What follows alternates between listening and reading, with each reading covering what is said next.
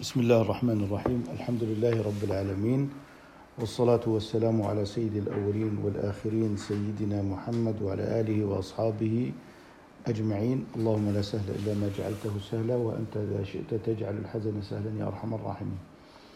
لأن الحديث الذي ما زلنا بصدده هو في الأدلة الكلية التي جعلت على التمام والكمال وهي الأدلة التي هي أعلى رتبة من حيث هي من دليل الكتاب إجمالا. يعني نحن نبدأ في أصول الفقه ونقول الأدلة أولا الكتاب ثم السنة. هنا يبدأ بما هو ما قبل الكتاب وهو ما تواترت عليه نصوص الكتاب.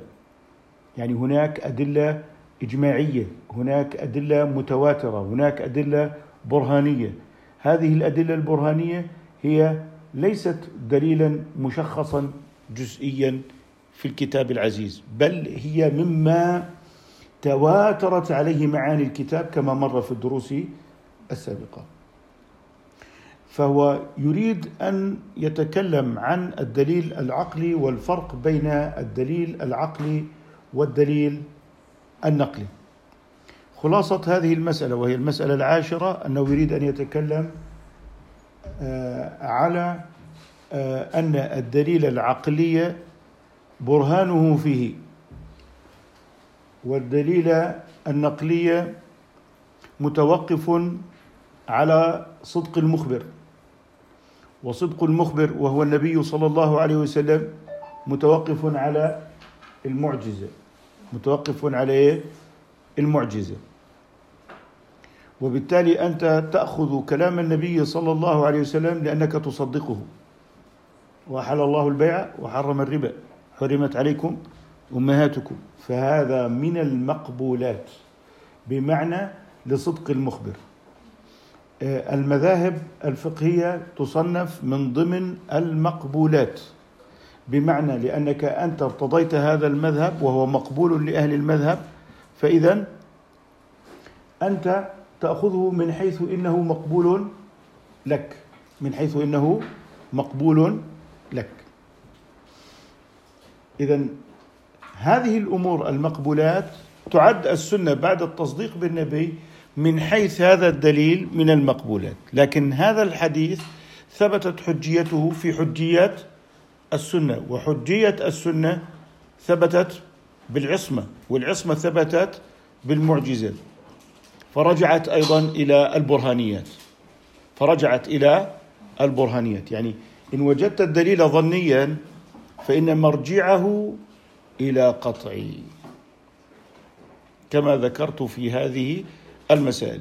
طيب لو لو أننا قلنا إن الفقه هو العلم بالأحكام بينما الفقه هو اجتهادات العلماء. هو اجتهادات العلماء وهي قابلة للصواب والخطأ. لكنها لما كان اجتهاد العلماء هو من باب الاستدلال في الدليل والاستدلال مأخوذ من الدليل الجزئي التفصيلي والدليل الجزئي التفصيلي مأخوذ من من السنة ومأخوذ من الكتاب وما أخذ من الكتاب والسنة مرجعه إلى دليل برهاني وهو المعجزة والأدلة العقلية القاطعة.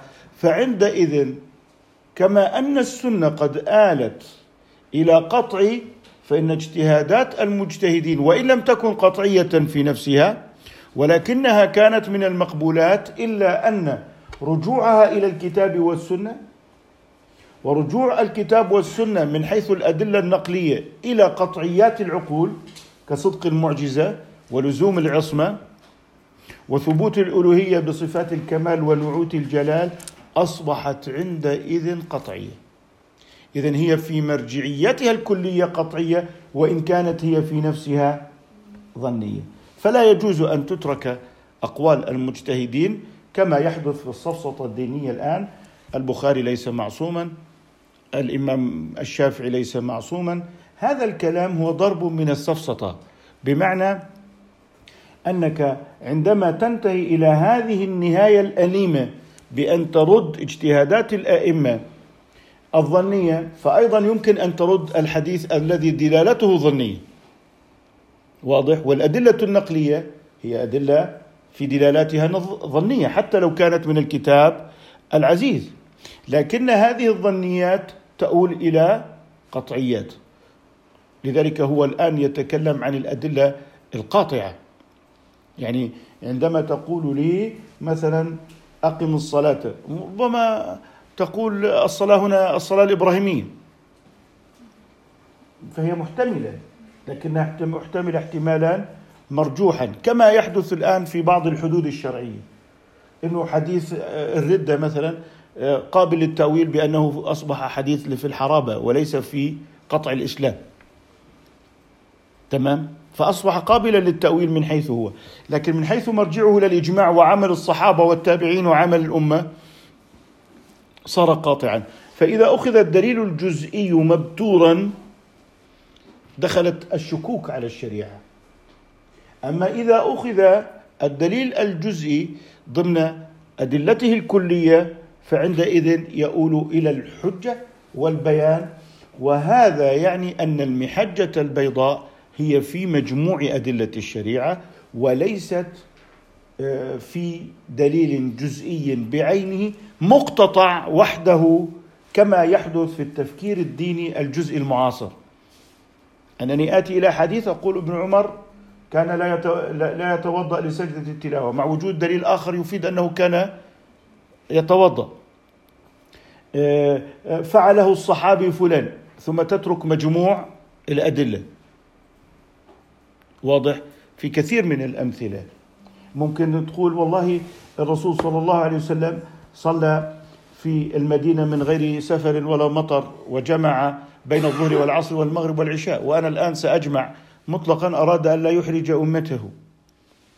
قد تستطيع أن تأخذ هذا الدليل لأنك تأخذه مبتورا تأخذه مقطوعا عن مجموع الأدلة.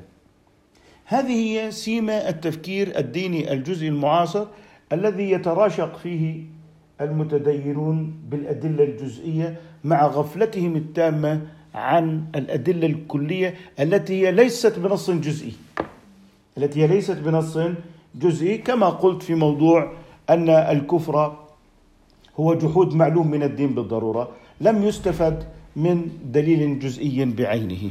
إنما استفيد من كل ادله الشريعة. بمعنى أنك إذا ابتدأت القرآن الكريم من أوله لاخره فإن الأقوام مع أنبيائهم كانوا جاحدين مكذبين معاندين مستكبرين. والنبي صلى الله عليه وسلم في سنته لم يقم الحد على السارق حد الردة ولم يقم حد الردة على الزاني ولم يقم حد الردة على الكاذب ولم يقم حد الردة على شارب الخمر إنما أقام آه، عليهم حدود الإسلام بدليل أنهم مسلمون. فدل على أن الكبائر لا تقطع الإسلام. أن الكبائر لا تقطع الإسلام. إذا اجتمعت تطبيقات السنة العملية واجتمعت مجموع النصوص الجزئية جميعا على أن الكفر إنما يكون جحودا وتكذيبا. فإذا أنا أخذت دليلا جزئيا ومن لم يحكم بما أنزل الله فأولئك هم الكافرون أنا سأحكم على كل من لا يحكم بما أنزل الله فإنه كافر. آه، الولاء والبراء ومن يتولهم منكم فإنه منهم. دون أن يأخذ مجموع أدلة القرآن فيحدث التكفير بمطلق الولاء والبراء بالأعمال ولو كان المسلم مقرا آه، بشريعة الإسلام. لذلك آفة الفكر الديني المعاصر هو أنه فكر جزئي بمعنى أنه عاكف على التراشق في النصوص الشخصية الجزئية الشخصية. أه، ولا يجمع أدلة الكتاب العزيز. التي أكدنا أن هذه هي المحجة البيضاء وقد قسم الإمام الشاطبي أدلة الشريعة إلى قسمين الأدلة العقلية والأدلة النقلية. ومآل جميع الأدلة إلى هذين الدليلين. فإذا قلت لي الإجماع يشترط له أن يكون مستند من النص. إذا هو آه، صحيح أن الإجماع هو اجتهادات المجتهدين لكن مآله إلى دليل آه، من الأدلة وهو النقلية. آه، إذا نظرنا إلى القياس وجدنا أن فيه العلة فهو صحيح أنه مستند إلى خبر لكنه غلب عليه جانب العقل وهو استنباط العلة المصلحة سد الذريعة درء المفاسد. هذه مستفادة من مجموع أدلة الشريعة ومرجعها إلى النظر العقلي في تحقيق محل المفسدة في الواقع. لذلك الإمام الشاطبي هنا رحمه الله تعالى يصنف الأدلة بأنها عقلية ونقلية ويقول الأدلة الشرعية ضربان. أحدهما أن يكون على طريقة البرهان العقلي. إذا يجعل الأدلة العقلية من الأدلة الشرعية. إذا الشرع ليس مقابلا للعقل بل العقل جزء من الشرع. إذا قضية هل أنت مع العقل أم مع النقل؟ هذه قضية اجتزائية ناشئة عن التفكير التسطيحي التفكير الساذج الذي لا يلم بقاعدة تقسيم الأدلة. لاحظ أنه يتكلم بقاعدة تقسيم الأدلة. قاعدة تقسيم الأدلة ليست مستفادة من دليل جزئي إنما هي مستفادة من نظرة كلية في مجموع أدلة الشريعة. فقال لك الأدلة الشرعية ضربان اللي هي البرهان العقلي. هذا البرهان العقلي آه، قطعي. إذا البرهان العقلي برهان قاطع. وبالتالي لا يقبل الخلاف فيه لماذا؟ لأنه إنشائي ما معنى إنشائي؟ دليله فيه فإذا قلت الكل أكبر من الجزء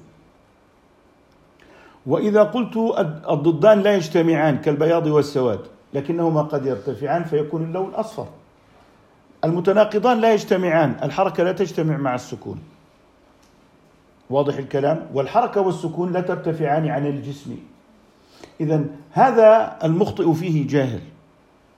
لذلك كان المخطئ في العقائد جاهل كالكرامية والمعتزلة وغيرهم من الطوائف لأنه مخطئ في اليقينيات. فمن زعم أن مع الله معنى مشتركا بينه وبين مخلوقاته فإنه يجمع بين الأزل والحادث وبين الكمال والنقص. وبين الغنى والافتقار. فمن حيث هذا فإنه يجمع المتناقضات. وبالتالي كانت حجة الله عليه في ذات عقله وتفكيره في أمور فطرية. في أمور فطرية. فإذا قلت لك الإنسان يتكون من جذع وأطراف وراس فهذا يتضمن لزوما عقليا أن الإنسان أكبر من الرأس. أن الإنسان أكبر من الرأس ولا عذر في ذلك. لكن إشكالية السفسطة التي تريد أن تعذر في العلميات تريد أن تعذر في العلميات أعني بالعلميات اليقينيات. فلاحظ أن الشريعة هنا محاطة بسياج من العلميات العصمة من العلميات المعجزة من العلميات واللزوم بينهما من اليقينيات أيضا. إذا ثبت أنه كتاب معجز إذا ثبت أنه رسول لا يقول إلا حقا. ثبتت له العصمة. وإذا ثبتت له العصمة ثبتت حجية السنة. ثبتت حجيات السنة. لذلك ثبوت حجية السنة بالعلميات. والعلميات لا يعذر فيها. فمن أنكر حجية السنة إذا هو لم يسلم للرسول بالمتابعة. إذا إنكار حجية السنة مخطئ في العلميات وليس معذورا. لماذا؟ لأنها من لزوميات قاطعة. إذا ثبت أن هذا رسول وجرى على يديه المعجزة. إذا ثبت أنه معصوم لزوما. ثبوت أنه معصوم إذا لا يقول إلا حقا. وإذا كان لا يقول إلا حقا لزم اتباعه. فهذه لا يعذر في فك هذه الالتزامات الضرورية من آه، بعضها. وبعد ذلك يأتي الفكر الاجتزائي. يريد أن يقول ليس لك من الأمر شيء. اذا لا حجية في السنة. يا أيها النبي لما تحرم ما أحل الله لك؟ إذا لا حجية في السنة. لو أن كان هناك حجية لما عاتبه الله في هذا وقد عاتبه في كذا وعاتبه في كذا. إذا التفكير الديني الجزئي هو الذي سيهلك الأمة. إذا التفكير الديني الجزئي هو المتشابه. التفكير الديني في القطعيات ورد الجزئيات المتشابهة إلى قطعياتها تظهر لدينا المحجة البيضاء التي لا يزيغ عنها إلا هالك ولا يتنكبها إلا ضال. لذلك نحن نلاحظ نمطية التفكير الديني. الحالة النمطية في التفكير لا يوجد دليل على الرجل. إذا ننكر الرجل. حالة نمطية. إذا آه، لا إذا قضية النسخ وما أدرك ما النسخ والخلاف فيها والشقاق فيها. لذلك إذا أخذ الدين جزئيا من أدلته الجزئية التبست الأدلة الجزئية على أصحابها فهي متشابهة من حيث هي إلا إذا ردت إلى كلياتها القطعية.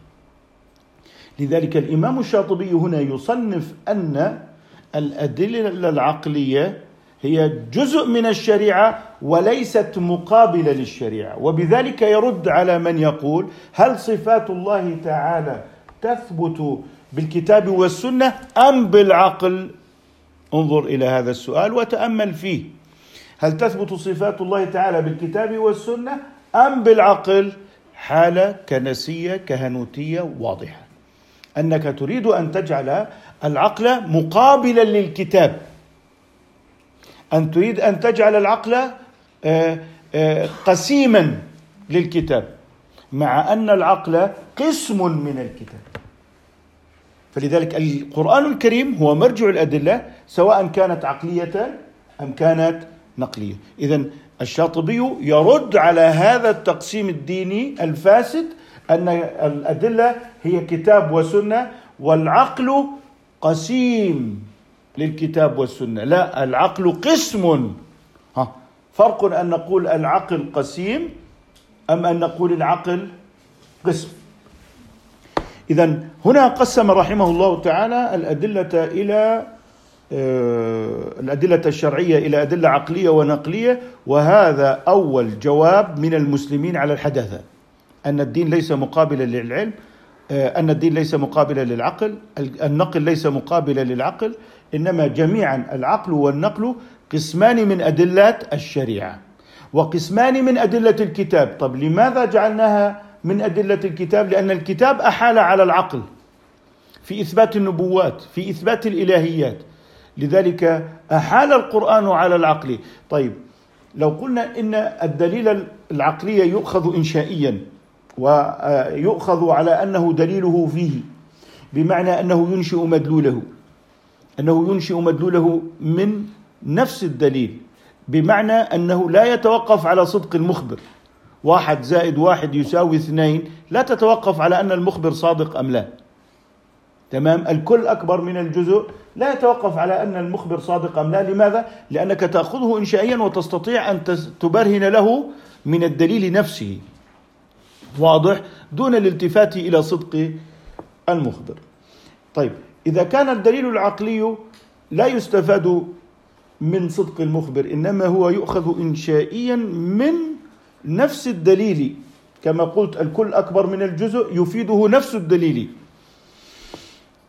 إنما نقول إن القرآن قد أحال عليه قد أحال عليه مع أنه مستقل في نفسه إلا أن القرآن زكاه لنا. القرآن إيه؟ زكاه لنا. من حيث هذا صارت الأدلة العقلية أدلة شرعية. واضح الكلام؟ مثل البحث التجريبي الرسول صلى الله عليه وسلم قال في حديث تأبير النخل أنتم أعلم بأمور دنياكم. إذا أحال على البحث التجريبي أحال على المختبر. إذا ذهابنا إلى المختبر ليس عنوة عن الشريعة بل نحن ذاهبون إلى المختبر ونحن نلبس الثوب الأبيض في المختبر بإذن الشارع لأن هذا البحث في الطبيعة والطبيعة ملك لله ولا يجوز التصرف في ملك الله إلا بإذنه فنحن ندخل المختبر ونبحث ونصل إلى نتائج بإذن من الشارع آه، مالك هذه الطبيعة. الآن سيتكلم رحمه الله تعالى عن طريقة تعليم الأمة كيف يستدلون على المخالفين. قال وكأنه تعليم للأمة كيف يستدلون على المخالفين وهو يقصد بذلك الدليل البرهاني في أول الأمر موضوع لذلك أي موضوع لإقامة الحجة على المخالف.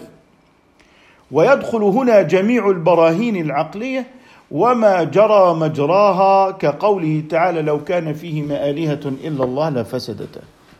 اذا يخاطب الجاحد للنبوة بدليل إنشاء دليله فيه ويعرفه كل إنسان سواء آمن أم كفر. إذا الخطاب اللي هو الدليل العقلي ليس على عقل العرب وميول العرب أو على ميول الفرنسيين أو على ميول الألمان أو ميول الأتراك أو ميول إلى آخره من القوميات لا. يتكلم عن العقل بوصفه شيئا واحدا في كل المخلوقات.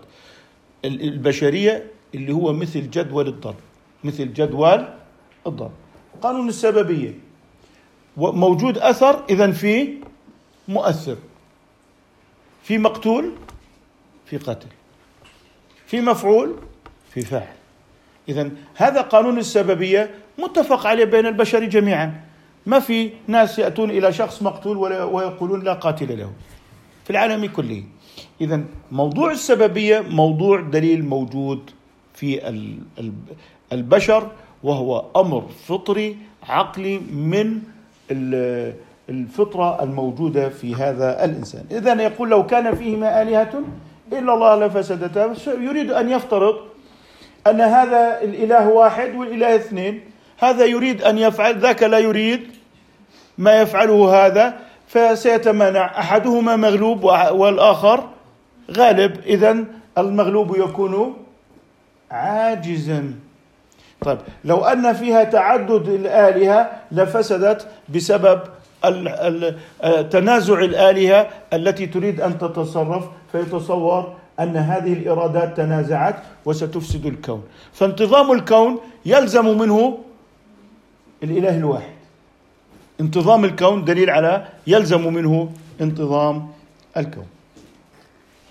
وأن انتظام الكون يلزم منه آه، الإله الواحد. الآن أيضا قال لسان الذي يلحدون إليه أعجمي وهذا لسان عربي مبين يخاطب الكافرين. أين الدليل العقلي في هذا؟ قال أنتم أيها العرب عجزتم عن الإتيان بمثل هذا الكلام العربي الفصيح. فكيف تلحدون أي تميلون بقولكم هذا إلى أن الذي ألف هذا القرآن هو أعجمي.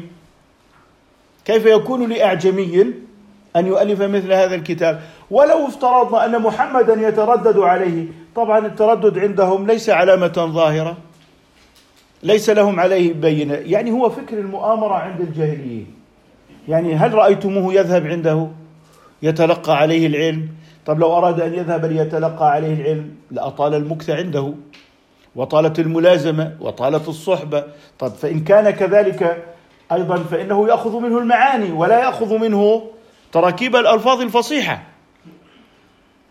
اذا هذا السلوك سلوك تآمري إنك أنت تعرض عن البينة الظاهرة وها أنت عاجز عن الإتيان بمثل هذا الكلام ثم تذهب للفحص في الدهاليز والزقاق والأماكن الخفية لتأتي بأسباب خفية. بأسباب خفية غير ظاهرة. بينما الظاهر عندك عجزك عن المعارضة للقرآن الكريم. فعلى جميع الأحوال يعني طيب ولو جعلناه قرآنا أعجميا لقالوا لولا فصلت آياته. فالقرآن إما أن يكون عربيا أو ليس عربي هذا احتمالات عقلية. لا يوجد ثالث. لا يوجد ثالث. إما أن يكون عربيا أو ليس عربيا. ومن علامات الأحكام العقلية النفي والثبوت لأن النفي والثبوت لا يجتمعان لأنهما لو اجتمعا من باب المتناقضين. فهو عربي ليس عربي. اذا عندنا في التقسيم العقلي عندنا احتمالان. احتمال أنه عربي ليس عربي. ليس عربي يساوي أعجمي. طيب لما جاءكم عربي ألحدتموه لمن؟ للأعجمي. طيب لو جاءكم أعجمي لقلتم لولا فصلت آياته. فلا أنتم هنا تؤمنون ولا أنتم هنا تؤمنون. لذلك قلوبكم في أكنة منه ما السبب؟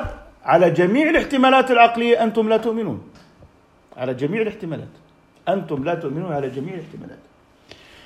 طيب اذا لاحظ أنه هنا أتى في هاتين الآيتين بالتقسيم العقلي. أنه لو كان لما كان عربيا ألحدوا فيه للأعجمي. طيب لو أنه جاءهم عربي لقالوا أعجمي. لو أنه جاءهم أعجمي لقالوا إيه؟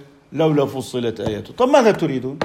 إذا جاءكم عربي عجزتم قلتم أنه آه، ألحدتموه للأعجمي. طب لو جاءكم أعجمي لقلتم لولا فصلت آياته. مش فاهمين.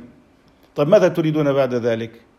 هل ما أتيتم به من اعتراضات تكافح هذا التقسيم العقلي؟ إما هذا وإما هذا. فأنتم على هذا ألحدتم إلى شخص مستحيل عادة أن يتعلم منه إلا بطول الصحبة. ولو كان في طول الصحبة لكان ظاهرا لكم في تردده عليه. ولو كان ذهب على بالفعل لأخذ منه معاني الكتب وليس التركيب العربي الفصيح. إذا إذا أنتم تستندون إلى فكر المؤامرة وتتركون الواضحات. يعني حتى عندنا آه، الآن الموتى إلى المقابر بالآلاف وهناك من يقول هناك مؤامرة لا يوجد كورونا. هذه الفكرة التي يعني تعيش وتعشعش في نفس الإنسان المريض العاجز عن الحجة والبيان. يسلك مسلك فكرة المؤامرة. إذا فكر المؤامرة غير قابل للإثبات وغير قابل للنفي. فإذا أردت أنك أنت تنشر فكرة فاسدة فعليك أنك تخترع فكرة المؤامرة. المؤامرة غير قابلة للإثبات وغير قابلة للنفي. وهذا باطل فاسد لأن النفي والإثبات من الأحكام العقلية. فإما أن يثبت وإما أن لا يثبت الحكم فالدخول في مغارة التفكير البشري التي لا نهاية لها التي لا قاع لها السفسطة هي الوسيلة التي سلكها العرب في الجاهلية في ردهم دعوى النبوة ولم يكونوا على عقل البتة. إذا أيضا في قوله ولو جعلناه قرآنا عرب أعجميا لقالوا لولا فصلت آياته. أوليس الذي خلق السماوات والأرض بقادر على أن يخلق مثلهم. طيب الآن هؤلاء العرب في الجاهلية الذين أنكروا البعث الذين أنكروا البعث أنكروا الحياة الثانية ادعوا مع الله الشريك. طيب انظروا إلى الكون الذي أمامكم. أيهما أكبر؟ خلق الكون المترامي الأطراف المتماسك بتلك الدقة العالية أم خلق هذا الإنسان البسيط الذي لا يساوي جزء من ذرة بالنسبة لهذا الكون؟ ستقولون الكون أكبر. إذا هل الذي خلق هذا الكون الأكبر أليس بقادر وخلق الإنسان الخلق الأول؟ أليس بقادر على أن يحييه مرة أخرى؟ إذا من قدر على خلق الكون المشاهد المحسوس قادر على أن يحيي الموتى. إذا آه، إذا هذا الذي يذهب إليه العرب المشركون في الجاهلية باطل فاسد وهو مخالف للمعقول. الذي قدر على خلق الكون يقدر على خلق الإنسان من جديد. أنتم مسلمون بخلق الكون أن الله خلقه وأنتم لا تعترضون. لا أحد منكم يزعم أنه خلق الكون. لا أحد منكم يزعم أنه قد خلق الكون. الآن في مناظرة إبراهيم عليه السلام للنمرود. قال آه، طبعا اللي هي المناظرة إبراهيم يقول إن الله يحيي الموتى. ذاك الرجل قال أنا أحيي الموتى. فأتى برجل مسجون فأطلقه قال هذا أحييته. وأتى برجل مسجون آخر فقتله فقال وهذا قتلته فأنا أمت وأحييته. ما محل المناظرة؟ أنه من يأتي بالسبب يظن أنه خالق المسبب فجعل الارتباط بين السبب والمسبب ارتباط العلة والطبيعة أن السبب يخلق المسبب وليس الله. فهو ظن أنه إذا ملك سبب القتل اذا هو الذي خلق القتل. واضح؟ فالمناظرة في الأسباب. فجاء إبراهيم لم يرد على هذه المغالطة ولم يناقشه في ذات المغالطة بل انتقل إلى دليل أوضح. قال فإن الله يأتي بالشمس من المشرق فأتي بها من المغرب. هل له سبب على الشمس؟ فلما قطعه عن سبب الشمس إذا هذه الشمس من الذي يجعلها تشرق؟ فأنت لا سبب لك عليها إذا أنت لا تخلق شيئا. بدليل أن بطلان علاقة السبب مع المسبب بوصفها علاقة العلة والطبع وأن الإله لا يخلق. الذي يخلق الشفاء ليس الدواء. الله. الذي يخلق الري والشبع الله عز وجل. العلاقة بين السبب والمسبب علاقة عادية. هذه هي المناظرة. وبالتالي انقطع الرجل ولم يعد يقدر على المناظرة. لم يعد يقدر على المناظرة. إذا فيما يتكلمون فيه من العلة الحداثة هكذا أن الطبيعة خالقة. وبالتالي الكون مكتف بنفسه. يعني داروين إنه الكون مكتف بنفسه. فرويد الكون مكتف بنفسه. الإنسان كل العلل التي يسندون إليها من داخل الطبيعة. الديالكتيك عند الاشتراكية أن الكون مكتف بنفسه ليس بحاجة إلى اله اذا لاحظوا أنه يقول إن آه، بالنسبة للدليل العقلي يستدل به على الموالف والمخالف. الموالف في الملة اللي هو الطوائف الإسلامية والمخالف في الملة. تمام؟ يعني الموالف يحتج به على المعتزلة يحتج به على الكرامية يحتج به على الشيعة يحتج به على الطوائف. وبالتالي ال ال لماذا الطوائف نعتبرها ضالة؟ لأنها خالفت في العلميات لأنها خالفت في العلميات. كما هو مشروح ونبهت إليه في دروس العقائد.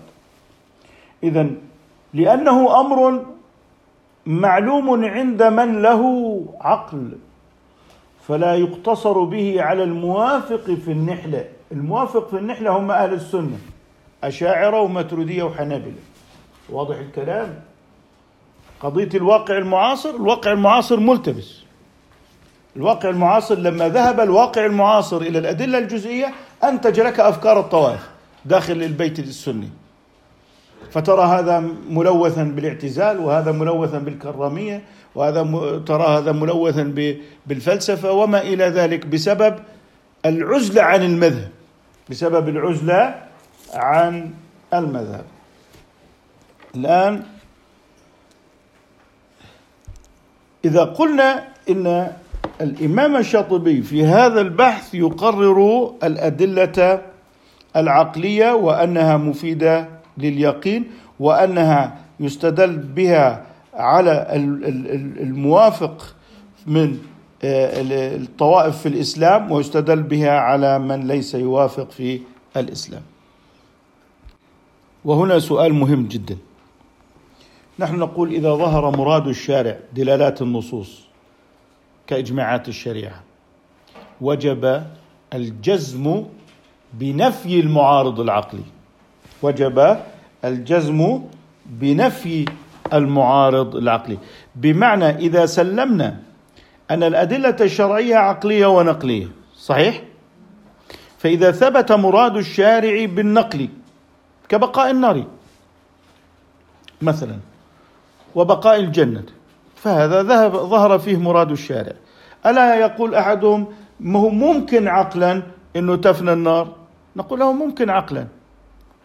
لكن هذا لا يعني أنه ممكن عقلا أنه هو الواقع في الحس لأن الثابت بقاء النار بالدليل النقلي. عندئذ أصبح الإمكان العقلي بالفناء الإمكان العقلي بالفناء مرجوحا وتعين الإمكان العقلي بالبقاء. فالنار من حيث ذاتها ممكنة ممكنة الوجود ليست واجبه الوجود. الواجب الوجود هو الله سبحانه وتعالى فقط. العالم ممكن الوجود.